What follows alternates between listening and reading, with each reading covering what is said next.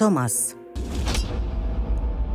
ولد أنبا توماس بشانشيف بإقليم أخميم من أبوين تقيين محبين لله فربياه بآداب الكنيسة.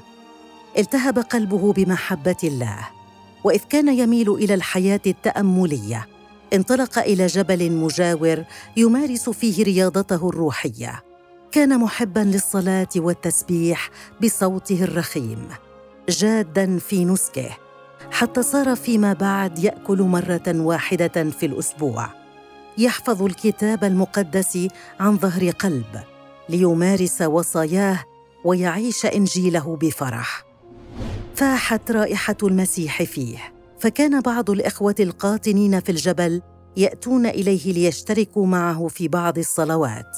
في يوم إذ كان قد بدأ يسبح بمزاميره التفت خلفه فرأى ثلاثة رجال بلباس أبيض يسبحون معه وكانت أصواتهم كأصوات ملائكة.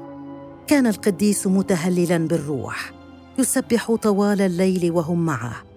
أخيرا عرف أنهم ثلاثة رهبان من دير القديس انبشنودا جاء القديس انبشنودا رئيس المتوحدين في مغارته بجبل شنشيف فقال له انبا توماس إني سأفارقك وقد أخبرني الرب أنك ستلحق بي بعد أيام. بالفعل حان وقت رحيل الأنبا توماس من هذا العالم الزائل بعد جهاد روحي طويل. فيه تمتع بعطية شفاء المرضى باسم الرب.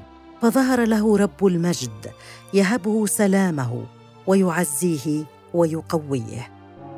تنيح في شيخوخة صالحة سنة 453